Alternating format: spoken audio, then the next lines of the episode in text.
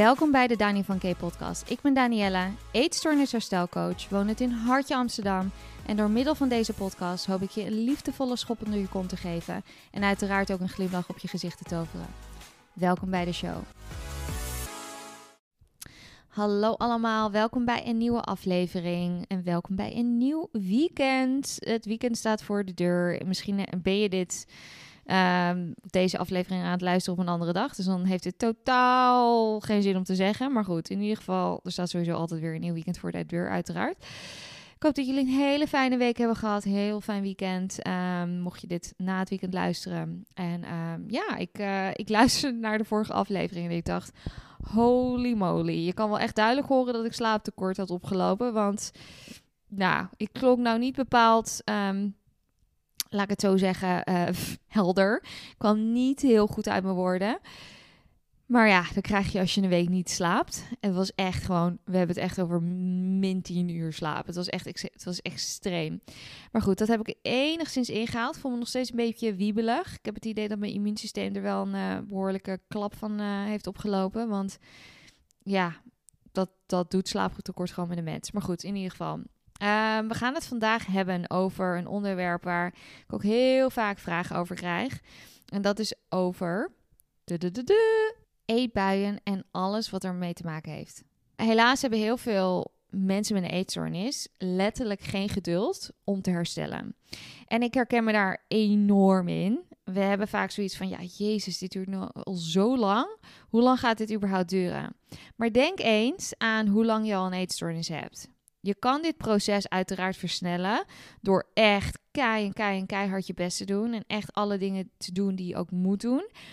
Maar alsnog, het duurt gewoon echt wel een nou, redelijke, redelijk flinke tijd. Laten we, laten we even een gemiddelde van een jaar pakken, waarbij je echt kan zeggen: Oké, ik heb nu zoveel vrijheid ervoor teruggekregen, maar dat duurt gewoon echt een lange tijd. Daarbij heb ik het dan nog niet eens over alle biologische aspecten die naar voren komen. En daarbij is het boek dus van Tabitha ook zo'n heel belangrijke eigenlijk bijbel, omdat je daar heel erg de fysiologische en biologische um, gevolgen krijgt te lezen van het hebben van een eetstoornis. Daarbij is het boek van ik weet eigenlijk niet of ik deze al heb benoemd. Ook weer een Engels boek.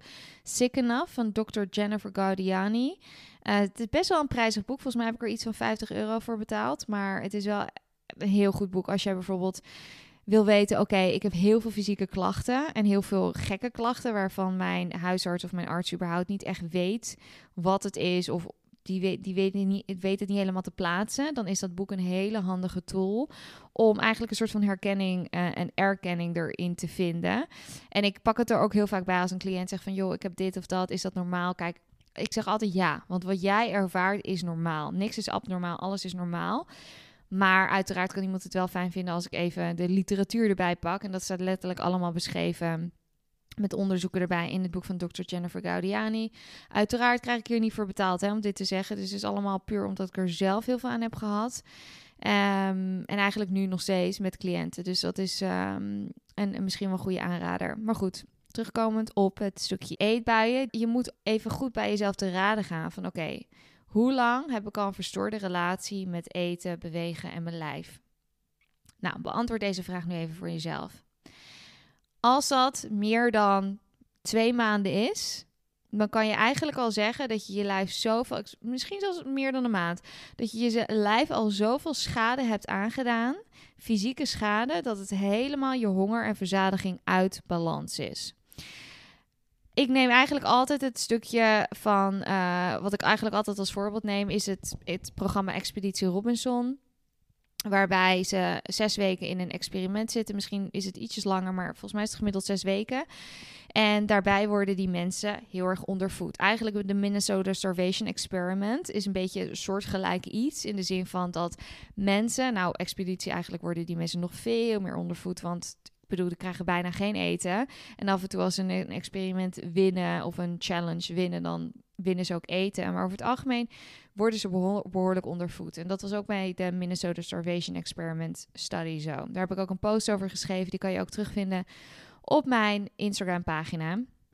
Maar goed, in ieder geval, die personen die zijn dus een best wel, nou, een korte eigenlijk tijd, als je erover nadenkt, heel weinig aan het eten. Die krijgen heel weinig energie binnen. Met energie bedoel ik uiteraard calorieën. Doordat ze zo weinig calorieën binnenkrijgen, denken ze alleen maar aan eten. Oftewel, mentale honger, oftewel extreme mentale honger, komt in één keer naar boven. Wat er dan vaak gebeurt als ze uit zo'n experiment stappen, of het nou een programma is zoals Expeditie Robinson of de Minnesota Starvation Experiment slash study, die mensen, die personen, die individuen gaan helemaal los. Die gaan dus feesten, oftewel bingen of hebben eetbuien. Daar kan je dus weer een heel erg extreem oordeel over hebben. Maar als die mensen dat al hebben na een paar weken, laat staan wat jij de persoon die dit luistert zal ervaren na het hebben van een eetstoornis voor een paar maanden tot misschien wel al tientallen jaren, nou tientallen jaren is misschien overdreven, maar laten we zeggen jaren. Je hebt jezelf zo zwaar ondervoed. En ik weet dat heel veel mensen nu zeggen ja of denken van ja, maar ik heb mezelf niet zo zwaar ondervoed, want ik heb nooit alleen maar op een appel geleefd. Zoals ik altijd al zeg, als jouw lijf elke dag weet ik veel, 3500 calorieën nodig heeft. En jij eet elke dag braaf 2500 calorieën, omdat diëtiste Hanneke dat ooit tegen jou heeft gezegd. Dan geef jij jezelf elke dag 1000 calorieën tekort. Je moet je dan voorstellen dat die 1000 calorieën, dus dat 1000 keer 7, dus dan hebben we het over 7000 calorieën per week wat je tekort komt. Keer, nou, zoveel maanden. En dat is dus, daar hebben we het over. Op een gegeven moment kom je op, uit op miljoenen calorieën. En je kan ook in geldtermen denken: van ik heb dan miljoenen af te lossen. Als jij naar de bank gaat en jij hebt 15 miljoen af te lossen. En je zegt, nou, alsjeblieft, hier heb je 2 miljoen. En zegt de bank, ja, sorry, maar waar is de rest?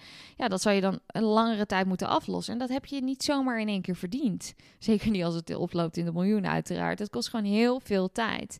Dus dat energietekort aflossen kost gewoon tijd. Dus vandaar dat die extreme honger die mensen ervaren, of het nou op een uh, laag gewicht is, op een hoog gewicht, dat maakt eigenlijk niet uit. Jouw lijf heeft heel veel af te lossen. Dat energietekort kan dus ook bestaan op een hoger gewicht. Dat, dat, dat ik denk dat de meeste mensen dat wel weten. Maar, want gewicht staat los van een energietekort. Überhaupt iemand kan, uh, zeg maar, zwaarlijvig zijn of, of zeg maar dik zijn. En met dik bedoel ik echt als een beschrijving van een lichaamstype. Daar heb ik totaal geen oordeel over, want ik ben vet positief. Maar iemand kan in een dikker lichaam leven en alsnog in een energietekort zitten, omdat die persoon bijvoorbeeld door genen, vanwege genen, op een hoger gewicht zit of op een hoger BMI. Dus BMI en gewicht staat helemaal los van een energietekort. Je kan dus nog steeds een heel extreem energietekort hebben op een hoger gewicht. Dus laat het even goed bezinken. Dus wat er dan vaak gebeurt, is dat mensen dan denken: ja, maar ik zit op een hoger gewicht en ik heb nog steeds veel extreme honger. Hebben ze een enorm oordeel over. Dus dan gaan ze toch een beetje, eigenlijk waar ik de vorige keer het eigenlijk ook over heb gehad, is dat ze dan minder gaan eten. En daar heb ik het ook in de, niet de vorige podcast, Engelse podcast over gehad, maar in de aflevering daarvoor, als het goed is. Uh, van can I still give myself or can I still honor my hunger at a higher weight, zoiets. Um, dat is dus Danny Van Kay, of uh, sorry, Recovering with Danny. Uh, daar heb ik het dus over in het Engels. Maar goed, mocht je Engels dus niet zo goed zijn, blijf hier en we gaan het hier over hebben. Maar echt dat gewicht en BMI staat los van uh, jouw energietekort. Maar wat ik wel vaak zie is dat mensen dus op een hoger gewicht de neiging hebben om zichzelf toch in te houden en minder te gaan eten omdat misschien een diëtiste of een arts of wie dan ook zegt: Oh, het gaat beter, je bent gezond, want je bent op een hoger gewicht. Nou, nogmaals, is allemaal gewoon niet waar. Tuurlijk, je, je gaat, het is altijd beter voor je lijf om op een hoger gewicht te zitten dan op een heel laag gewicht. Dat weten we allemaal. Maar dat betekent nog, nee, niet, nog steeds niet dat je uit dat energietekort bent geklommen. Daar hebben we het ook nog niet eens over het lekker tekort, wat ik altijd zeg. Je hebt een koekjestekort opgelopen, een slagroomtekort, een, een pindakaastekort, een verzin het maar tekort. Dat tekort, dat lekker tekort, ik heb het gewoon zelf een naam gegeven hoor. Gewoon het lekker tekort is zo belangrijk om dat in te halen. Want je kan natuurlijk aankomen door een, een Nutri-drinks te gaan nemen of uh, een paar boterhammen erbij. Maar ben je dan uit dat lekker tekort gekomen? Nee, uiteraard niet. Dus Ehm, om een lang verhaal kort te maken, wat er vaak gebeurt op het moment dat mensen zich gaan inhouden, omdat ze eigenlijk heel veel honger hebben en daar niet naar durven te luisteren, is dat ze zich dus weer eigenlijk aan het ondervoeden zijn. Dus ze zijn weer dat energietekort of aan het instant aan het houden of zelfs aan het verergeren, omdat ze een soort eigenlijk een stapje terug aan het nemen zijn. zijn. Dus je was eigenlijk heel goed bezig om dat geld af te lossen, maar eigenlijk ben je weer een schuld aan het opbouwen. Zo, zo moet je het eigenlijk bekijken wat gebeurt er dan? Dan is het vaak als een soort boemerang dat je het lijf zegt: Ja, ho, wacht eens even. Ik heb gewoon hartstikke honger. Ik heb hartstikke veel zin in zoveel eten. Uh, dus geef me alsjeblieft dat eten. En dan vaak wat er gebeurt, dat noemen we ook wel eating-induced hunger. Dus wat er eigenlijk gebeurt, is dat jij het moment dat je je lijf wat geeft, dat je lijf schreeuwt om meer. Omdat hij zoiets heeft van: Ja, maar deze hongersnood die gebeurt weer. En dat wil ik niet meer. Want je lijf wil jou in, in leven houden, uiteraard dan is het vaak zo dat je extreem een soort van oerdrang krijgt om te blijven eten. En die oerdrang noemen we dus ook eigenlijk wel een eetbui, oftewel binging of feesten. En dat is zo normaal, jongens. Dat is zo verschrikkelijk normaal. En ik wou dat hier veel meer in de GGZ over werd gepraat. Want het wordt zo enorm, ah, mijn god, slecht bestempeld. En ik vind het zo zonde, want er, je wordt er ook bang voor gemaakt van ja, maar je moet een eetbui voorkomen, je moet het gaan uitzitten. Nu heb ik het echt puur en alleen over de mensen die uit een energietekort komen en die uit een restrictieve eetstoornis komen. Ik heb het niet over je gevoelens onderdrukken, over emoties uh, niet aan willen gaan en daarvoor een eetbui inzet, inzetten. Dat is weer een hele andere tak. Uh, tenminste, over het algemeen, niet, niet altijd. Uh, als jij bijvoorbeeld echt een eetbuisstoornis hebt, wat je dan doet, een echt puur aan zich een eetbuisstoornis is in feite dat je continu eetbuien ervaart zonder restricties. Zoals toevallig laatst weer een artikel in een, uh, in een uh, krant, geloof ik. Ik zag het, ik heb het wel helemaal gelezen. Het ging over een man die een eetstoornis had, die een eetbuisstoornis had en die um, omschreef inderdaad, of er werd omschreven wat een e-, eetbuisstoornis ook was. En ik dacht, nou, het was, wel mooi omschreven. Van deze persoon heeft dus meerdere malen op een dag eetbuien. Uh, om met zijn om emoties om te gaan. En uh, heeft pas geen restricties toe tussentijds. Nou, dat is wel vaak wat er, wat er gaande uiteraard is. Met uh, als je bijvoorbeeld bulimia of anorexia hebt, dan het heet ook wel een restrictieve eetstoornis. Dus ik heb het puur over de eetbuien die zich voordoen tijdens of na een restrictieve eetstoornis. Zijn eetbuien dan normaal? Het antwoord is ja, hartstikke normaal. Het is een hele normale biologische reactie op, een, op ondervoeding. En dat zie je dus ook bij de Minnesota Starvation Study. Dat zie je bij uh, programma's als Expeditie Robinson. Dat zie je eigenlijk waar bij elk programma waarbij mensen dus iets tekort worden gedaan. Omdat wij zijn daar niet voor gemaakt. En ook zeker niet in deze westerse wereld... waar we letterlijk een supermarkt in kunnen lopen... en er nou, schappen vol zijn met tussendoortjes en koekjes en lekkere dingen. Wij zijn gemaakt om daarvan te genieten. En ja, dat, dat als, je, als je dat ontneemt en wegneemt... en dit is waarom diëten ook niet werkt... dan ga je er alleen maar meer aan denken. En als je dan eenmaal gaat eten, dan sla je vaak door.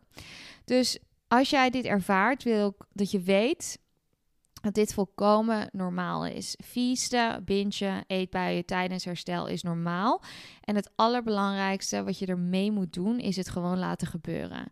Het misschien wel het aller, aller, aller, allerbelangrijkste is dat je er geen restricties op gaat toepassen of niet voor gaat compenseren en gewoon weer laten we zeggen dat wat er vaak gebeurt is dat mensen in vaak in de avond een eetbui ervaren of hebben omdat dan vaak ook de mentale honger veel sterker wordt. Dat heeft er ook met de migration response te maken. Dus dat je lijf denkt, oké, ik mag nu rusten. De, het, alles is veilig. Ik mag nu rusten. Ik mag aan eten gaan denken. We hebben de hele dag gemigreerd, dus het is oké, het is veilig. Dus dan dat mensen dan bijvoorbeeld in de avond een eetbui ervaren. Ook weer, een eetbui is heel subjectief. Voor de ene is dat een zak chips.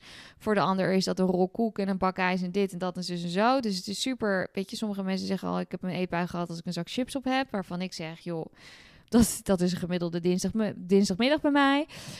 Maar, ehm, dus kijk daar ook kritisch naar. Maar, tenminste, kritisch naar. Wees daar niet zo veroordelend naar. Dat is eigenlijk wat ik probeer te zeggen. Uh, maar de belangrijkste, het belangrijkste is, is dat als jij s'avonds bijvoorbeeld zo'n eetbui hebt, dat jij dan gewoon weer opstaat de volgende ochtend en gewoon weer je ontbijt gaat eten. En als je echt heel vol zit, ja, dan zal je jezelf toch een beetje moeten gaan forceren. Want anders begin je in een soort van binge-restrict cycle terecht te komen. Oftewel in bulimia. Um, en dat is, dat is echt een cirkel waar ik ook zelf in heb gezeten. En het is vreselijk. Dus door jezelf regelmatig en voldoende en veel voeding te geven. En ook met name de lekkere dingen waar je eigenlijk echt zin in hebt. In plaats van die appel, ga die brownie nemen of nou verzin het maar. Zo uiteindelijk zal je merken dat je veel minder die oerdrang hebt om alles in je mond te stoppen. Ik had bijvoorbeeld, um, nou, dit, ik heb altijd op kantoor altijd chocola en koekjes en verzin het maar. En ik weet nog wel dat vroeger dat, dat ik dan altijd dacht van dat bewaar ik wel voor in de avond. En nu eet ik dat, nou ja, naar behoefte gewoon lekker overdag. En ik heb nooit meer in de avond daar extra cravings naar. Omdat ik mezelf dat al overdag heb gegeven. Dus luister daar ook echt naar. Als je dat overdag heel erg onderdrukt, ga er echt naar luisteren. Ehm, dus ja, nogmaals, het antwoord is op zijn eetbuien normaal? Uiteraard is dat antwoord ja. En als je alleen voelt, weet dat je niet alleen bent. Ik help zo verschrikkelijk veel cliënten die eigenlijk allemaal ongeveer hetzelfde ervaren.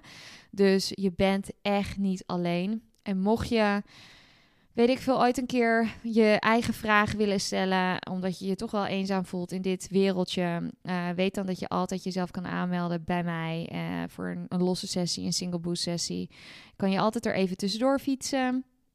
Um, en dan kunnen wij uh, saampjes gaan zitten en bespreken waar je tegenaan loopt.